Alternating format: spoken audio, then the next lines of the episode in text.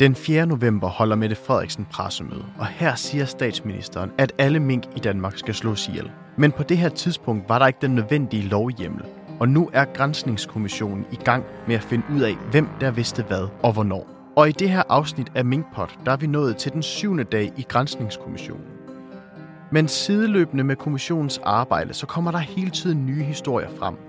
Og i den her uge har flere medier kunne berette om, at flere sms-korrespondencer fra topfolk i statsministeriet er blevet slettet. Her i blandt statsministerens. Du lytter til Minkpot, og mit navn er Mathias Pedersen.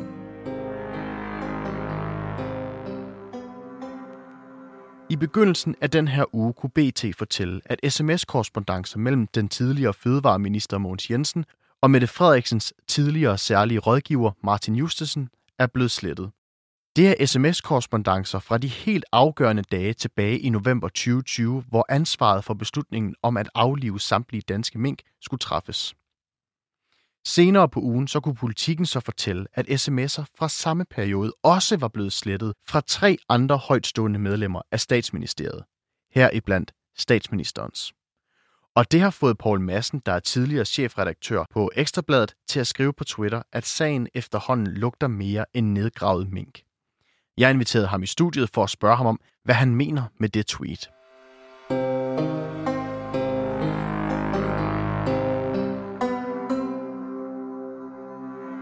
Jeg har ikke øh, oplevet øh, en så systematisk øh, sletning af, af sms'er, øh, som vi ser i den her sag. Ikke? Og det udvikler sig jo på den måde, som du også har beskrevet her. Ikke? Først er det en, så to, så tre, så er det fire, øh, vi får at vide, der har, har slettet dem. Ikke? Og at man får jo den tanke, at øh, de er selvfølgelig slettet, fordi at øh, man har sådan et rum, hvor man kan tale frit, fordi de her mennesker ved jo om nogen, at når de skriver en sms, så kan det risikere at blive fremlagt i en kommission, øh, og derfor ved de jo også, at så gælder det om at komme af med dem, øh, hvis man ikke skal have dem fremlagt. Var det en mistanke, du fik, da du læste det? Ja, ja det med det samme. Altså tænkte, øh, specielt, jeg blev faktisk bekræftet i det, da jeg læste, hvad det var, Barbara Bertelsen havde sendt til departementchefen i Fødevareministeriet. Mm. Altså den måde at kommunikere på, som jo er en sådan meget politisk øh, kommunikation. Øh, du skal til at tage dig sammen, kammerat, fordi ellers så risikerer det jo at ramme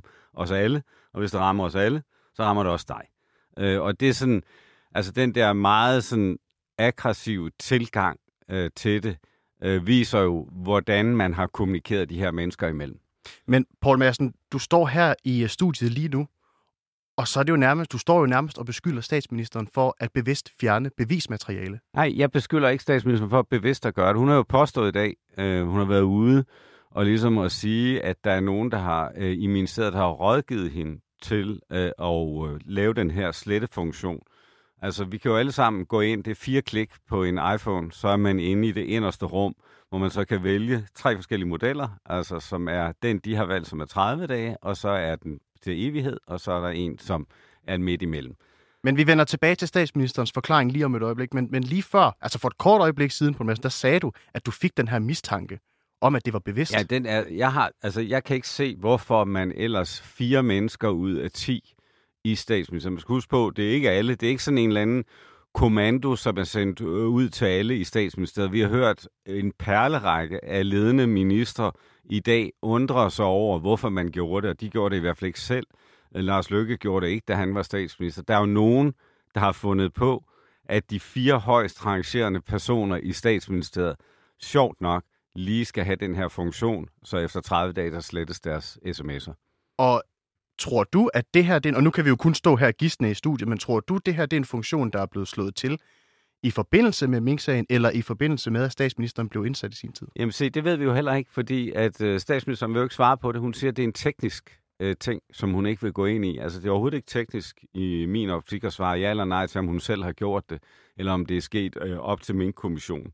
Og det kan jo sagtens være sket for lang tid siden. Det kan jo være sket, da Mette Frederiksen tiltræder, at man har besluttet sig til, at det er måden øh, at køre den her telefon på. Øh, og så kan man jo begynde at spekulere, hvad alle mulige også gør. Så, hvad fanden er der så i virkeligheden heller ikke? Øh, er også blevet slettet af alle mulige andre ting end mink-tingene. Vil det stadigvæk være et problem, hvis den her funktion den er slået til øh, den dag, Mette Frederiksen hun bliver udnævnt som statsminister? Ja, det, det, det synes jeg. Jeg synes, det er et problem, at man bevidst går ind og får en, en, en cirkulation i sms'erne, og jeg har svært ved at forstå, hvad det er for et sikkerhedsproblem, der særligt skulle være omkring sms'er. Så måtte der også være et sikkerhedsproblem omkring øh, mails, et sikkerhedsproblem omkring alle mulige andre ting, så man også skulle have en funktion inde i sin mobiltelefon, så den automatisk for eksempel slettede mails, hvis det udgør et sikkerhedsproblem. Men kunne du ikke forestille dig en situation, hvor en statsminister skal øh, forholde sig til nogle øh, meget måske, øh, hvad skal man sige, af sikkerhedsmæssige årsager, noget mange fortrolige ting simpelthen, som det kan være relevant at blive slettet efterfølgende på en statsministers telefon? Jo, det kan jeg sagtens. Jeg kan sagtens forestille mig, at statsministeren har en kommunikation, øh, som øh, vil være øh, af en sikkerhedsmæssig karakter, så andre ikke må få fat i det. Men så er det min forventning, at man så journaliserer det, man så vil slette af sikkerhedsmæssige grunde, og bringer det et sikkert sted hen. Fordi hele humlen her er jo, altså, og det skal man også lige huske på, vi ved jo ikke, hvad det er, der står i de der sms. Det kan jo være, tag mælk med hjem. Det er ikke så sandsynligt. Men øh, det kan jo også være, øh, at det er noget, som faktisk har betydning for den her sag. Og der er jo igen det der med, at mistanken bliver vagt i det øjeblik, man gør noget usædvanligt. Og det er usædvanligt, at man har været inde og slå den her funktion til. Og hvad er det, du tror, vi måske går glip af af information ved, at de her sms'er her er blevet slettet? Jamen, altså, der har jo foregået en, en, en meget intensiv øh, kommunikation.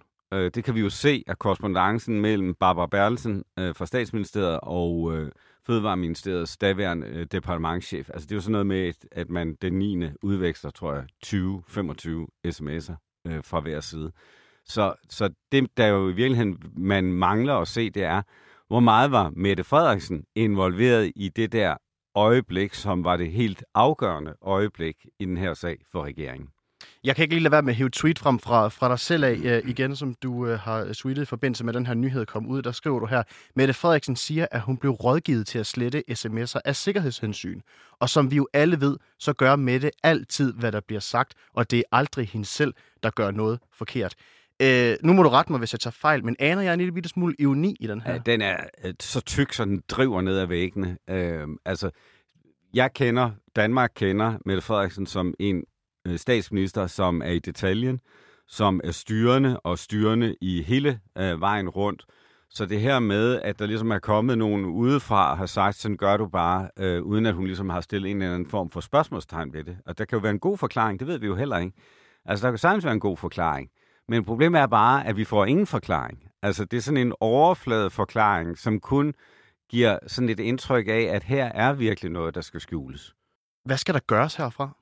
Ja, altså først og fremmest vil de jo prøve at se, om de kan genskabe det. Det skal jeg ikke gøre mig klog på, for her er det faktisk et teknisk spørgsmål, hvor man kan sige, det er der jo ikke nogen, der kan vide, om det kan lade sig gøre. Så synes jeg, at man skal se at få indført nogle klare regler om, at øh, det her er også noget, som skal journaliseres. Altså, en sms er jo i vore dage et fuldstændigt øh, enslydende ting i forhold til et brev, eller en mail, eller et, et stykke papir. Så er jo ingen forskel, og selvfølgelig skal det med. Poul Madsen, jeg har også inviteret dig ind øh, kvæg din øh, fortid som chefredaktør på Ekstrabladet, og du har jo dækket et hav af politiske skandaler øh, igennem tiden. Hvis du sådan skal rate den her skandale, som vi jo roligt kan kalde Mink-sagen her, hvor vil du så lægge den henne, hvis du tænker tilbage på din historik som chefredaktør på Ekstrabladet? Jamen, det er den allerøverste hylde. Altså, det er det. Og man skal lige huske på, at jeg har også som journalist dækket Tamilsagen, øh, som var øh, den rigsretssag, som, som var den seneste før Inger Støjberg. Altså, jeg synes, det her ligger højere op, fordi det ligger oppe. Det er et erhverv, der er blevet udslettet ved det, som alle ved i dag var en ulovlig øh, beslutning. Og der er en hel masse mennesker, som har vidst, det var ulovligt. Vi ved bare ikke præcist i øjeblikket, hvem det er, og det er det, der skal afdækkes nu. Det er altså en ud af tre største skandaler. Og hvad er det lige præcis ved den her sag her, der gør den så spektakulær, og så, øh, hvad skal man sige, så stor en skandale, som du jo gør den til her? Jamen det er fordi, at man jo går ind og nedlægger et helt erhverv, øh, og øh, hvor man kan sige sådan populært, at man er skide ligeglad med, om man har lovgivning med, fordi man tror, at man har befolkningen med ud i, at man får nedlagt erhverv, fordi det kunne være et erhverv, som gjorde, at en smitten spredte sig på en helt ny og farlig måde. Og der tænker man, det gør vi bare. Det, vi har ikke paragraferne med. Øh, man bliver klar over, at vi har ikke paragraferne med. Øh, og så i øvrigt, så finder man også lige en søndebuk, Starks Mogens Jensen, Mink Mogens, altså at han ligesom skal have kappet knoppen af, øh, fordi at man finder ud af, at der er sket noget. Altså det synes jeg også er en skandale i sig selv. Du dækker jo sådan delvist også selv den her sag han har dukket ny frem øh, i dit eget program på forsiden, som du laver på Podimo. Øhm, hvor meget følger du selv med i detaljerne i den her sag? Ja, men altså i starten fulgte jeg ikke med i den. Øh, og jeg er først begyndt for alvor at følge med i den i den her uge. Øh, fordi nu er der virkelig kommet sprængstof ind i den. Altså, jeg har hele tiden haft en fornemmelse af, øh, tror jeg, som alle andre, eller vidst, vi har jo vidst, det var en ulovlig beslutning, og så havde, var min fornemmelse, at det ville man ikke få afdækket. Men, men man kan jo sige, at kommissionen øh, her har jo faktisk gået ekstremt systematisk til værks. Øh, og øh, det er jo imponerende, hvad man allerede nu faktisk har gravet frem. Øh, og så kommer skandaleelementet, ikke, som jo gør, at alles øjne nu er rettet, altså omkring sms'erne er rettet mod den her kommission. Jeg kommer til at følge den her øh, kommission til, den er færdig med sit arbejde. Forløbet så ved vi, at øh, Mette Frederiksen hun skal afhøres i starten af december måned, og så er der gjort plads til, at der kan komme yderligere øh, afhøringer undervejs. Og jeg kommer til at spørge de fleste af de gæster, jeg kommer til at have siddende i øh, stolen der, hvor du sidder nu. Hvad tror du, den her sag den ender med? Jamen altså, hvis du havde spurgt mig for en uge siden, øh, så har jeg været fuldstændig sikker, ligesom alle mine gæster har været, hver gang vi har talt om dem i, i mit program, øh, hvor de har sagt, at den ender i ingenting, øh, fordi Mette Frederiksen har sikret sig øh, opbakning. Altså, den her type sager handler jo alene om at kunne tælle til 90 i Folketinget. Det handler jo ikke om, hvad der er rigtigt og forkert. Jeg er ikke så sikker mere. Altså, lige nu øh, mener jeg, at øh, det er 50-50 på, om øh, sagen faktisk går hen og ryger i en rigsret. Og hvad er det, der har fået balancen til at tippe? Det er, at man har det her cover-up, øh, som er åbenlyst. Altså det her med, at man har slettet ting. Det, at man også nu har fået nogle forklaringer undervejs i den her sag, som jo peger pilen meget, meget kraftigt øh, ind i ministerierne og helt op i statsministeriet. Og der er det jo det helt afgørende vil være, vil Mette Frederiksen være i stand til at børste den her sag af, øh, ligesom hun har børstet alt muligt andet af? Vil hun kunne køre en anden ind under bussen? Altså, vi har kørt Mogens Jensen ind under bussen, men det bliver ikke nok. Altså, er det Barbara Bertelsen? Er det øh, øh, Martin Justesen? Altså, hvem er det mere, der ligesom... Fordi jeg tror, at sådan som det har udviklet sig den seneste uge, så tror jeg ikke, de radikale øh, vil nøjes med det, der er sket indtil videre. Hvorfor tror du ikke det? Det tror jeg, fordi at i samme øjeblik, at man, man fornemmer, at der ikke er en lighed imellem for eksempel rigsretssagen mod Støjberg, og så den her sag, som jeg tror i befolkningen anses som langt mere alvorlig, øh, fordi det er et helt erhverv, der er blevet nedlagt. Hvis man ligesom har følelsen af, at øh, man bare får lov at slippe der, tror jeg ikke, de radikale vil være i stand til at holde til. Jeg tror bedre, at SF og Enhedslisten kan holde til det. Men hvis vi ser på, på, på Mette Frederiksen, når du siger det som om, at befolkningen har øh, et behov for, at der skal ske øh, yderligere her. Der er jo ikke noget i meningsmålingerne, der tyder på, at øh, hun yder stor modstand, Mette Frederiksen, fra befolkningen af. Nej, altså, altså hvis, man, hvis man kun skulle øh, sådan regere og lave jura i Danmark efter meningsmålinger, så er både Inger Støjberg og Mette Frederiksen gået fri for længst.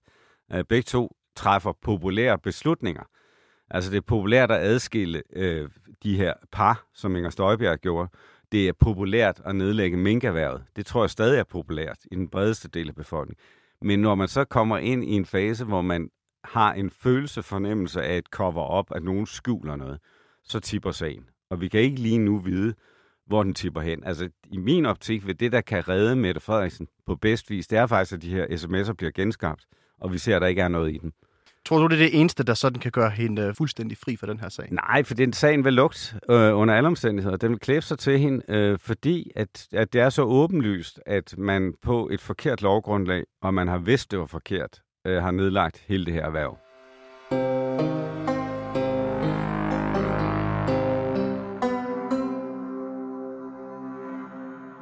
Vi skal selvfølgelig også vende Grænsningskommissionen.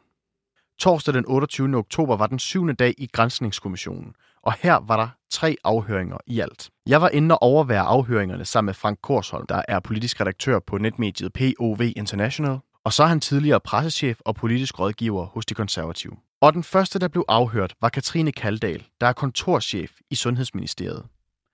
Og hendes afhøringer kredsede så meget om, hvilket ministerie, der var ansvarlig for at finde lovhjemmel til at slå raske mink ihjel. Var det Fødevareministeriet, eller var det Sundhedsministeriet? Det er jo det interessante. Altså, da smitten kommer tilbage, minksmitten kommer tilbage i september, begynder øh, ministerierne at forberede øh, en række møder. Et møde i en af de helt centrale udvalg, økonomiudvalget, og et, og et møde i det, der hedder covid-udvalget. Og, øh, og det ender jo med, at der, der kører jo så nogle modeller frem og tilbage, og det ender jo med, at man beslutter på regeringens covid-udvalg den 1. oktober at indføre den her berømte zone. Altså det vil sige, at man selvfølgelig hugger de farme ned med mink, som er smittede, men at man så også lægger en zone, en radius kan man kalde det, på 7,8 km rundt om de her smittede mink, minkfarme, og, for, og, og, og vil øh, altså i virkeligheden også begynde at slå raske mink ihjel. Og den diskussion, må vi det? Altså har vi bemyndigelse? Har vi hjemmel? Øh, som jeg har lært, at det hedder. Har vi hjemmel til at slå raske øh, dyr ihjel? Det er ret usædvanligt, fordi øh, dyreværnslov og lov om ophold af dyr, som ligger i Fødevareministeriet, er sådan set skabt til at beskytte dyr. Fødevareministeriet sætter ligesom hælene i og siger, at det har vi ikke over os. Vi kan ikke bare øh, indføre en zone på 7,8 øh, km øh, rundt om de smittede farme, og så gå ud derfra og, og, øh, og slå raske mink ihjel. Så det må I finde over hos jer i Sundhedsministeriet, siger han så. Og her fortæller Katrine Kaldal fra Sundhedsministeriet i øh, afhøringerne, at øh, Fødevareministeriet altså beder Sundhedsministeriet om at finde lovhjemmel i epidemiloven. Og her der fortæller Kaldal så, at Sundhedsministeriet de vender tilbage og siger, jamen vi kan ikke finde hjemmel i epidemiloven til at slå raske mink ihjel. Ja, de sætter sig ned og undersøger sagen og siger, hvad, øh, er der noget om det? Kan, øh, må vi det i epidemiloven? Men de vender faktisk ret hurtigt tilbage. Det tager dem ikke ret lang tid at, at undersøge den sag. Så de vender tilbage og øh, altså kaster aben tilbage, hvis man kan sige det på den måde, øh, øh, til øh, Fødevareministeriet og siger, nej, det, den går altså ikke. Epidemiloven, den, øh, den giver altså ikke mulighed for det. Jeg har sådan lidt en fornemmelse af, når jeg hører de her afhøringer her, og særligt da jeg øh, i begyndelsen af dagens afhøringer med Katrine Kaldal, som altså er kontorchef i Sundhedsministeriet, jeg har sådan lidt en fornemmelse af, at det her lovhjemmel her, det havner lidt mellem to stole. Og der er ikke rigtig nogen, der sådan rigtig får den samlet op. Altså den havner mellem Fødevareministeriet og Sundhedsministeriet, som ikke helt kan finde det rette lovhjemmel til at, øh, at tage skridtet videre de får den i hvert fald aldrig sådan rigtig fuld til dørs, kan man sige. Den bliver ikke samlet op. Altså, der er ingen tvivl om, at i Sundhedsministeriet har man opfattelsen af, det er Fødevareministeriet. Det er deres spor, det her. Men i Fødevareministeriet arbejder man jo på daværende tidspunkt på to modeller. Man ved godt, at der skal gås videre. Man er nødt til at gå videre med hensyn til minkerhvervet. Der skal ske noget med minkerhvervet på lang sigt, fordi smitten breder sig jo. Det går meget, meget hurtigt med de her smitte øh, minkfarme på det her tidspunkt. Jeg tror, man er sidst i oktober, eller på det tidspunkt i hvert fald, hvor regeringen træffer beslutningen 3. november, er der 216 øh, farme, og man er altså gået fra 0 til stort set 0 til, til 216 på ja, faktisk en måneds tid, ikke? så det går meget, meget, meget stærkt. Forestiller sig heller ikke, at de ønsker heller ikke en drastisk beslutning. De ønsker jo sådan set at fortsætte med deres strategi og, og, de, og inddæmme øh, her og nu, og slå de der smittede farme ned her og nu, og på sigt ønsker de jo, lægger de jo så op til, at man skal tage, vælge en dvalemodel. Og dvalemodellen betyder at faktisk, at minkavlerne får lov til at og, øh, slå deres egen mink ned, ned beholde skinnene, og, øh, og så tage en bestand ud, til, som så skal passe og, og, og give, give nye mink. Men at man sætter erhvervet i dvale, sådan lidt på standby kan man også kalde det, i et års tid, altså hele 2021, det år vi er i nu, og så kan man genoptage det året efter med med øh, den bestand af, af paringsparate øh, mink, man så har taget ud den her model her omkring at, at skulle sætte øh, minkerværet i dvale, øh, det er jo ikke den model, man ender med at gå med i sidste ende. Det var jo noget af det, vi, øh, vi blev klogere på i, i dag, da Michael Dittmer, som er departementchef i Erhvervsministeriet, han, han sad i vidneskranken i dag. Michael Dittmer er jo en, en dreven rotte, kan man sige. Han er Slotsborg, Slotsholmens øh, næster og han har 25-26 års øh, departementchefs øh, erfaring øh, på banen, så han har været med til en række K-udvalg i forskellige regeringer, så han ved godt, hvad det, det handler om. Han er meget vældig, øh, også en, en troværdig departementchef, ellers har man heller ikke overlevet 25 år som departementchef. Han han forklarer jo lidt om, hvad der sker, eller han forklarer meget om, hvad der sker på K-udvalgsmødet, det berømte K-udvalgsmøde den 3. november. Og noget af det, han fortæller, det er, man havde jo en bred diskussion om, hvad skal der ske. Fordi det man, det, man skal huske her, det er jo, at Statens Serum Institut, Kåre Mølbak, lige for inden, faktisk få timer for inden, havde afleveret en ny risikovurdering til regeringen. Og i den risikovurdering stod der jo, at Danmark risikerer at udvikle sig til et nyt Wuhan, altså arnestedet for, for øh, coronasmitten. Og han brugte udtrykket fra Wuhan til Nordjylland. Og det skræmte jo embedsværket, og, embedsværket, og det skræmte også regeringen. Og det skræmte, reger, det skræmte af to årsager, kan man sige, hvor, hvor øh, det, som Dietmar øh, fortæller, det er, at, at, øh, at risikoen for, at hele altså selvfølgelig var der smitterisikoen osv., men der var også risikoen for, at udlandet fik øh, hørte om den her risikovurdering, før regeringen havde nået at reagere, og at det ville boykotte stort set dansk øh, fødevareproduktion, dansk fødevareeksport. Så det var meget, meget dramatiske beslutninger, man stod overfor. Beslutningen om ikke at gøre noget, den var måske ovenikøbet værre end den beslutning, som blev truffet at gøre noget, fordi hele fødevareeksporten stod på spil. Så derfor skulle du vælge, du skulle, du skulle gøre noget. Og de to modeller, der var lagt op til, altså dvalemodellen eller luk hele erhvervet, det var ligesom to yderpunkter, forklarer han. Luk hele erhvervet, jamen så havde vi ikke noget, så kunne vi vinke farvel til øh, mink nu og i, også i al fremtid. Øh, det ønsker man ikke. Regeringen ønsker faktisk, at der skal stadigvæk være et minkerhverv i Danmark, når man har fået lagt coronaen bag sig. Så den ønsker man ikke, og man forkaster også dvalemodellen. Og det gjorde man af den grund, at i givet fald skulle der pilles 20 procent af, af, af alle mink ud, så det vil give en bestand på 2-3 millioner mink, og det anså man for at være for mange. Så derfor var de to modeller, som Fødevareministeriet havde indstillet, de, var, de, de, de blev forkastet simpelthen på mødet. Så skulle man jo vælge noget andet. Hele øh, grænsningskommissionen handler jo om også at finde ud af, hvem øh, vidste hvad, og hvem vidste hvad, hvornår. Det de bliver ved med at, at, at bore lidt i, uanset hvem der nærmest sidder i den her øh, skranke, altså alt efter om vedkommende kan svare på det, det er, øh, hvorfor blev spørgsmålet om lovhjemmel ikke diskuteret på det her møde i koordinationsudvalget, som jo var aftenen før øh, pressemødet, hvor Mette Frederiksen jo øh, fortæller, at alle mink de skal aflives. Og her der fortæller Michael Dittmer jo, at det er ikke noget, man normalt gør. Man regner bare med, at på det her tidspunkt her, så er alt klappet af i det enkelte ministerier.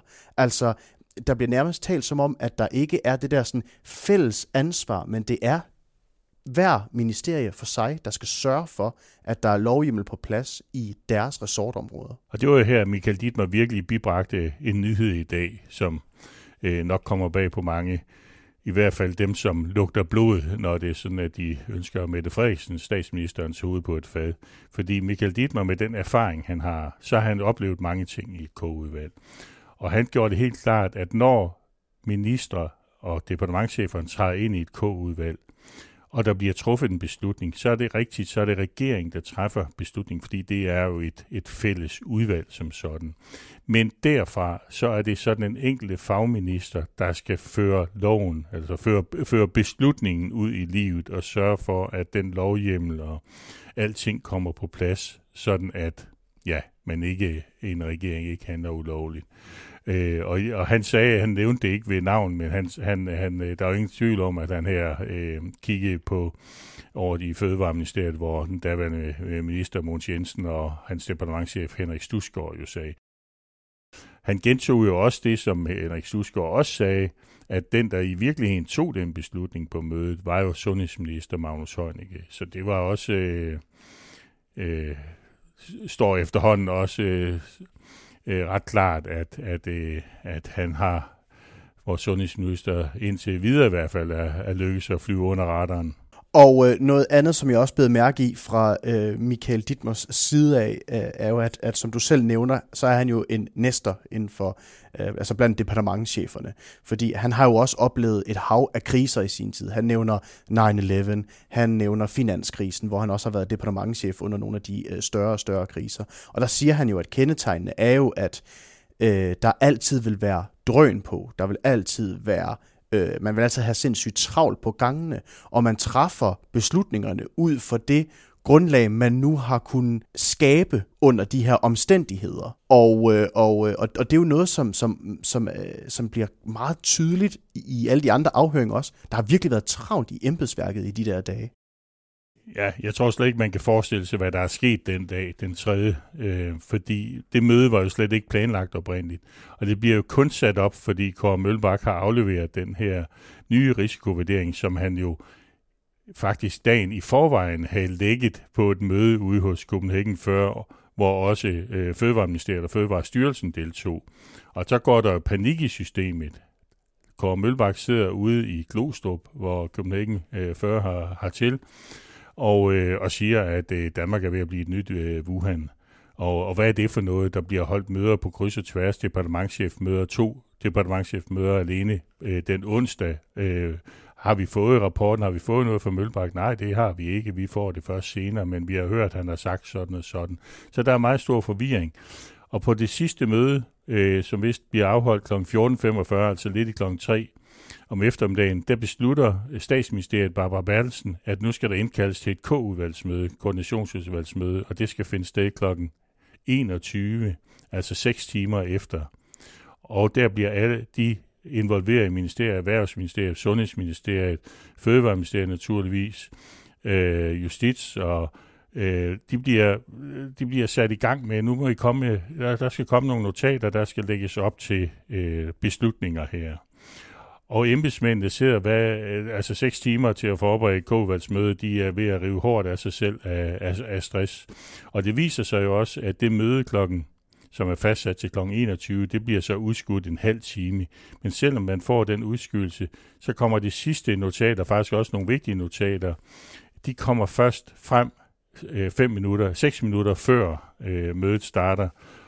Og i Sundhedsministeriet har man lidt problemer med at printe dem ud, så der er, der er øh, Magnus Heunicke og hans departementchef Per Ockels, der er de gået ind i et mødelokale, fordi mødet det foregår på Skype, der er de gået ind og de får så båret papirerne ind, og får selvfølgelig heller ikke læst papirerne, og det gælder også for de andre. Michael Dietmar skæmme papirerne, mens han var deltog i mødet. Øh, så, så der har været utrolig meget stress og meget øh, forvirring også hvad, øh, i de hektiske dage. Men det skulle gå stærkt. Altså, vi ved jo, Barbara Bertelsen øh, har vi også fået øh, syn for i sidste uge med en række sms'er, var meget, meget utålmodig og, og var meget... Øh, utilfreds med det tempo, man havde øh, i Fødevareministeriet med at slå de, de syge mink ned. Vi skal jo vente den sidste, som der blev afhørt i dag, som jo var øh, Anne Mette Lyne Jensen fra Justitsministeriet. Hvilken rolle er det, hun spiller? Altså, i Justitsministeriet havde man et oprettet et særligt øh, kontor, som hed et bered, beredskabskontor. Det lyder nærmest som om, at det var brandvæsen, men det var det ikke. Men de kiggede på coronalovgivning. Og hun var lidt stolt af, at hun sådan set havde været den stået fader øh, til epidemiloven, selvom den lå i, i Sundhedsministeriet.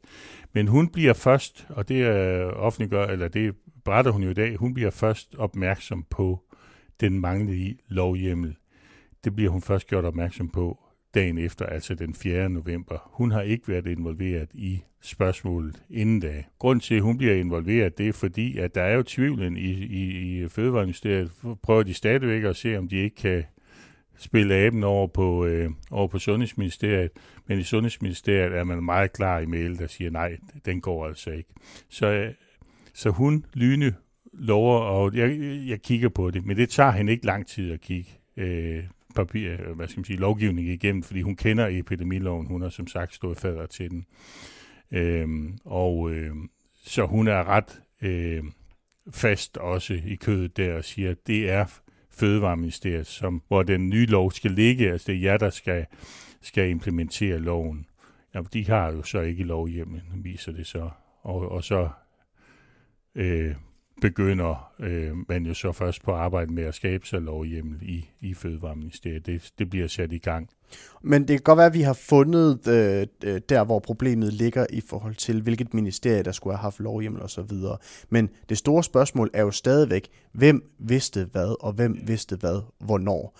Og der er jo ikke øh, noget, som jeg i hvert fald har forstået det, så må du rette mig, hvis, øh, hvis du har forstået det anderledes. Men der var ikke noget i dagens afhøringer i dag, som på nogen måde tyder på, at der var nogen i det helt øverste lag. Altså vi snakker måske vores øh, statsminister eller nogle af de andre Øh, minister, der på det her tidspunkt er gjort helt klart, at man handlede uden lovhjemmel. Altså da man i gang satte det her. Der er ikke det, vi kalder den rygende pistol i inden for journalistikken. Der er ikke en rygende pistol, der ligger og peger på Mette Frederiksen indtil videre. Men vi må jo også bare sige, at den her sag byder på overraskelser konstant. Øh, sms-korrespondence, som kom frem i, i sidste uge, og, så, og, og en ikke eksisterende sms-korrespondence, som kom frem i går, hvor øh, vi nu kan forstå, at noget af det i hvert fald bliver udleveret. Hvis der ligger noget i den korrespondence, eller hvis der dukker lige pludselig noget nyt op, en sms til Mette Frederiksen den 3. 4. Altså du er godt klar over, at, at øh, den beslutning, jeg tror, for det ikke har været lovlig. Så, øh, så kommer der et problem. Vi har ikke set den rygende pistol endnu, og Mette Frederiksen hævder jo hårdnakket, at hun først får besked, besked den 8. altså søndag den 8. Og derfra straks øh, beder Mogens Jensen om at hvad skal man sige, få tingene bragt på plads. Så indtil videre er vi jo nødt til, har vi jo ikke andet at tro på, end, end, end det, som øh, vi har hørt. Og vi har ikke hørt nogen, heller ikke Michael Dittmer eller Henrik øh, øh, Stusgaard, antyde, at Mette Frederiksen på K-udvalgsmødet presse, reger, øh, presse beslutningen igennem. Tværtimod, det var sundhedsministeren, der adspurgt afskillige gange sagde, ja, det er nødvendigt at slå alle danske mink ned af hensyn til folkesundheden.